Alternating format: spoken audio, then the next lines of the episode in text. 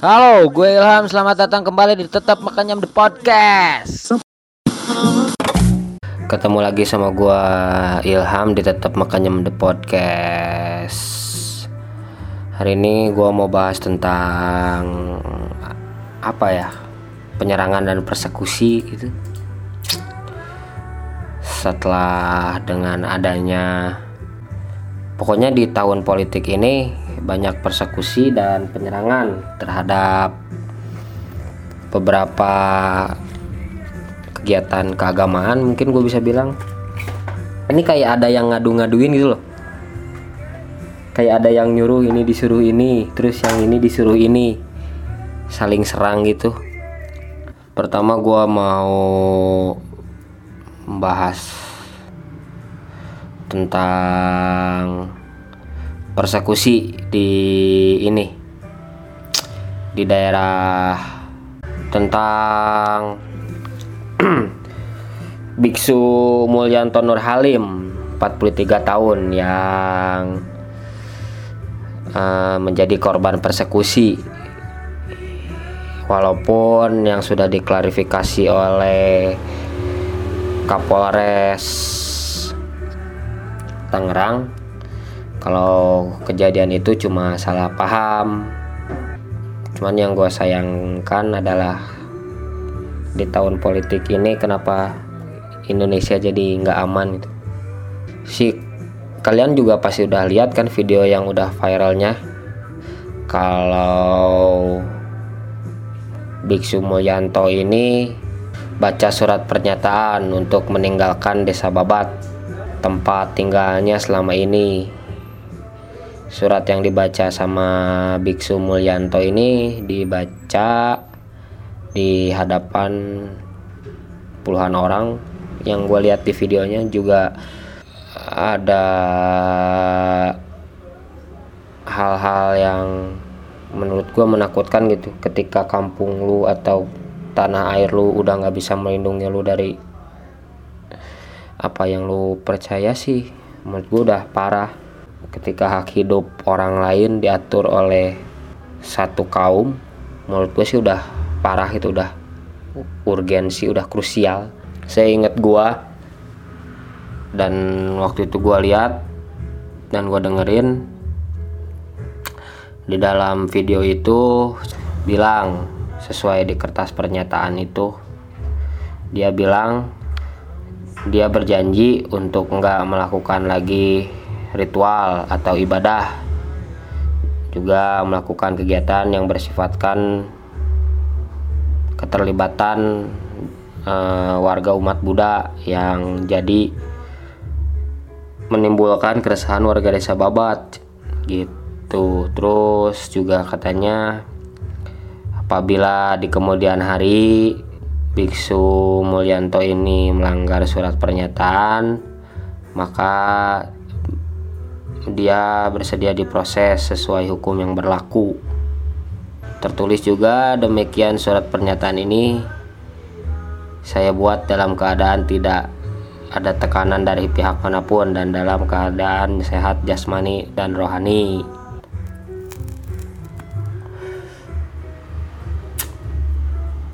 Kapolsek Legok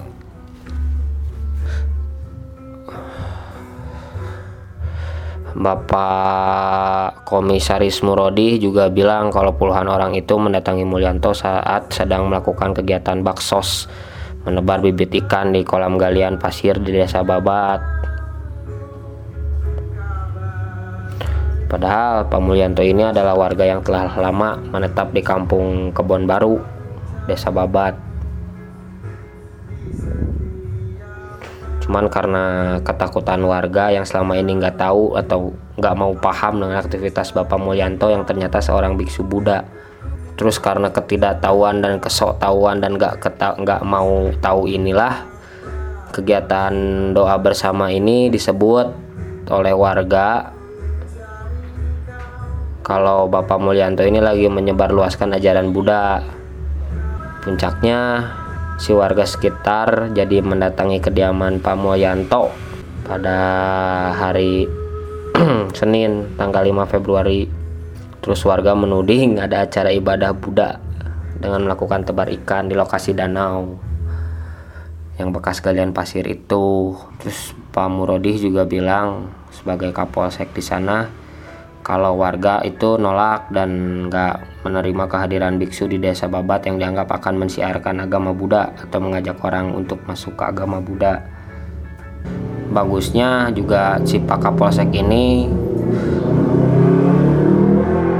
menyikapi penolakan dari aksi warga dengan menggelar rapat yang men, yang melibatkan seluruh elemen masyarakat dan juga muspika di sana pada hari Rabu tanggal 7 Februarinya. Di pertemuan tersebut juga akhirnya telah diketahui kalau semua itu karena kesalahpahaman. Dan ternyata Bapak Mulyanto tidak mengajarkan agama Buddha tapi lebih menerima tamu yang mengantarkan makanan buat dia. Kebayang gak sih kalau misalnya hal ini terus terjadi gitu apa yang digambarkan Indonesia ini damai dan bineka tunggal ika juga bisa jadi hilang gitu. juga kan sebelumnya ada kiai yang dihajar setelah sholat subuh di Ranca Ekek terus juga hari Minggu kemarin ada pendeta yang dibacok di dalam gereja ketika sedang mengadakan uh, kegiatan agama. Terus juga ini gue baca ada siaran pers dari kontras yang meminta untuk pengungkapan kasus dan kekerasan terhadap tokoh agama ini nggak dipisah gitu. Kalau maksudnya nggak dipisah tuh nggak dipisah kasus per kasus gitu. Karena beberapa orang yakin kalau ini adalah salah satu dari imbas pilkada. Kayaknya sih ada orang yang nyuruh gitu loh.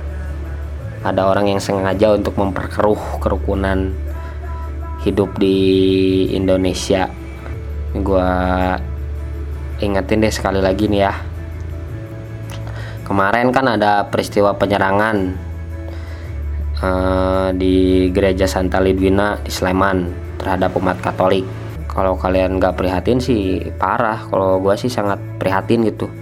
Ke mana hak kita dalam memiliki dan memeluk agama masing-masing gitu di negeri ini hak atas rasa aman juga menurut gue jadi rentan.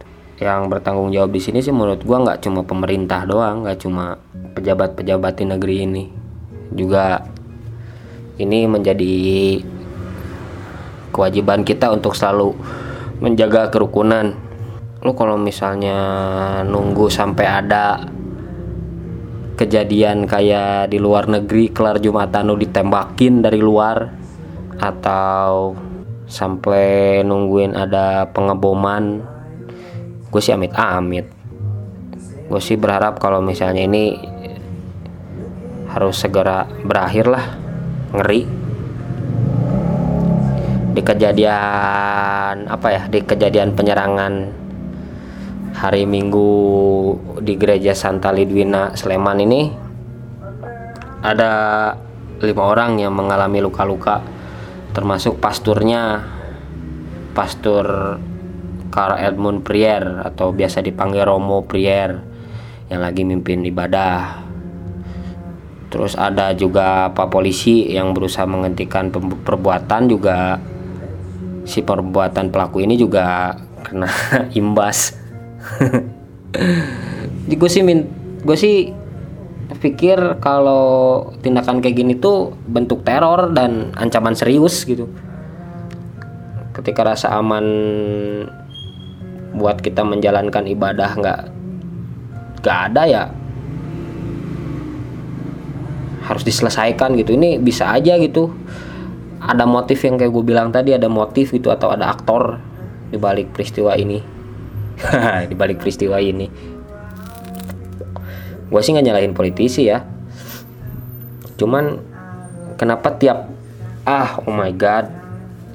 Kenapa tiap tahun politik itu pasti ada konflik yang merugikan orang-orang yang tidak sedang berpolitik? Orang-orang yang terpaksa iya iya aja gitu atas kebijakan dan peraturan yang telah dibuat. Terus kayak yang gue bilang tadi kiai yang dipukul yang dihajar setelah sholat subuh di Ranca Ekek Cicalengka itu kejadiannya kalau nggak salah bulan Januari. Yang dihajar itu Kiai Haji Umar Basri. Dia tuh pimpinan pondok pesantren Al Hidayah jadi kalau kalian berpikir hanya minoritas yang mendapatkan kerugian dan ketidakadaan rasa amannya dalam menjalankan ibadah lu salah. Agama mayoritas juga terkena imbasnya. Ini kiai loh. Ajengan. Kalau misalnya pastur udah dibacok kiai udah dihajar apalagi gua gitu bukan yang bukan siapa-siapa udah jelek bukan siapa-siapa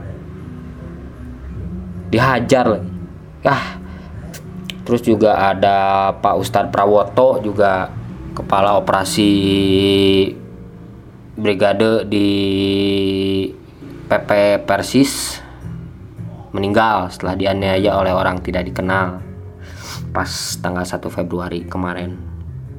Terus di sini juga gue lihat ada orang yang menyatet rajin gitu ya ada orang catat kasus persekusi sama kekerasan terus ada intimidasi yang menimpa kelompok agama. Jadi sepanjang tahun 2017 juga uh, telah tercatat ada 75 peristiwa kekerasan yang ada di dimensi agama dan keyakinan. Terus provinsi yang dominan terjadi ini ada di Jawa Barat dengan 17 peristiwa. Terus di Jawa Tengah 13 peristiwa. Jawa Timur juga ada tujuh peristiwa. Di Banten juga ada. Ngeri itu kalau misalnya ini gara-gara ekses dari penyelenggaraan pilkada DKI maksud gue kalau misalnya kenapa harus ada perpecahan buat merebut kursi kepemimpinan? Gue sih khawatir gitu kalau misalnya peristiwa-peristiwa kayak gini bakalan terus terus terjadi di tahun 2018 kebayangkan 2017 aja cuman pilkada DKI yang gue inget. Segini edannya gitu. Apalagi di 2018 ini itu kalau nggak salah ada lebih dari 150 daerah kabupaten kota yang bakal ngadain pilkada serentak. Dan isu sara tuh masih isu yang yang cepat mateng lah yang bisa dipakai gitu buat bikin keruh dan bikin kacau gitu situasi pilkada di Indonesia. Terus ke, tadi juga gue baca kalau ada kader PKS juga diteror di Sukabumi. Gue sih kembali berharap kalau kita sebagai masyarakat sih nggak nggak ulah sarwana lah ulah kapancing gitu kita nggak nggak terpancing di di dalam rangkaian si peristiwa kekerasan ini gitu gue minta juga si elemen pemerintah juga melakukan langkah-langkah yang apa ya preventif nah, sebagai tindakan dan efek dari peristiwa-peristiwa di atas. Terus juga gue minta kepolisian untuk usut tuntas kasus-kasus ini secara sistematis gitu nggak main tangkap tangkap tangkap tangkap tangkap. Yang gue bilang tadi jangan kasus per kasus gitu. Cari siapa sih kepalanya ambil kepalanya. Pasti kalau kepalanya ambil kena ke bawahnya juga mudah-mudahan kena. Jadi kita berharap kalau si kepolisian ini juga usut kasus ini dengan sistematis. Yang ketiga hmm, Komnas HAM sebagai Komisi Nasional ini juga mengambil langkah tegas uh, ke individu atau kelompok atau parpol yang pakai isu sara dan ambil keuntungan dari isu sara buat memenangkan kontes pilkada di 2018 ini. Selain Komnas HAM juga Bawaslu juga harus ya, pokoknya gue pribadi sangat mengecam hal-hal picik ini. Gue yakin yang salah bukan agamanya kok orangnya aja yang kacau. Ya mungkin kali ini baru sampai ke orang lain itu kejadiannya tapi kalau ini nggak dicegah kejadian ini tuh bisa menimpa lu keluarga lu teman lu. Gue sih sedih kalau misalnya orang-orang terdekat gue yang kena itu persetan lah dengan kasus kerenan mana anak Twitter sama Instagram. Iya gue juga ingetin bapak polisi. Jangan lupa kasusnya kasusnya Bapak Novel Baswedan juga harus segera diselesaikan ya masa harus nunggu bertahun-tahun sih buat nangkep pelaku penyerangan ke Bapak Novel Baswedan?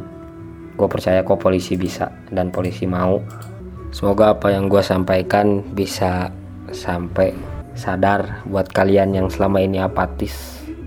Bisa jadi kejadian ini ke depannya ada di lingkungan kalian. Segitu aja deh dari gue makasih udah mau dengerin tetap makanya the podcast. Gua Ilham. Pertanyaan hujatan pujian juga cacian bisa dikirim ke ilhamohsaputra@gmail.com sesuai yang ada di bio gua. Sekali lagi ingat penyerangan dan persekusi lagi merajalela di Indonesia. Be safe kawan-kawan tetap kenyam the podcast live from Bandung. Pamit undur diri. Bye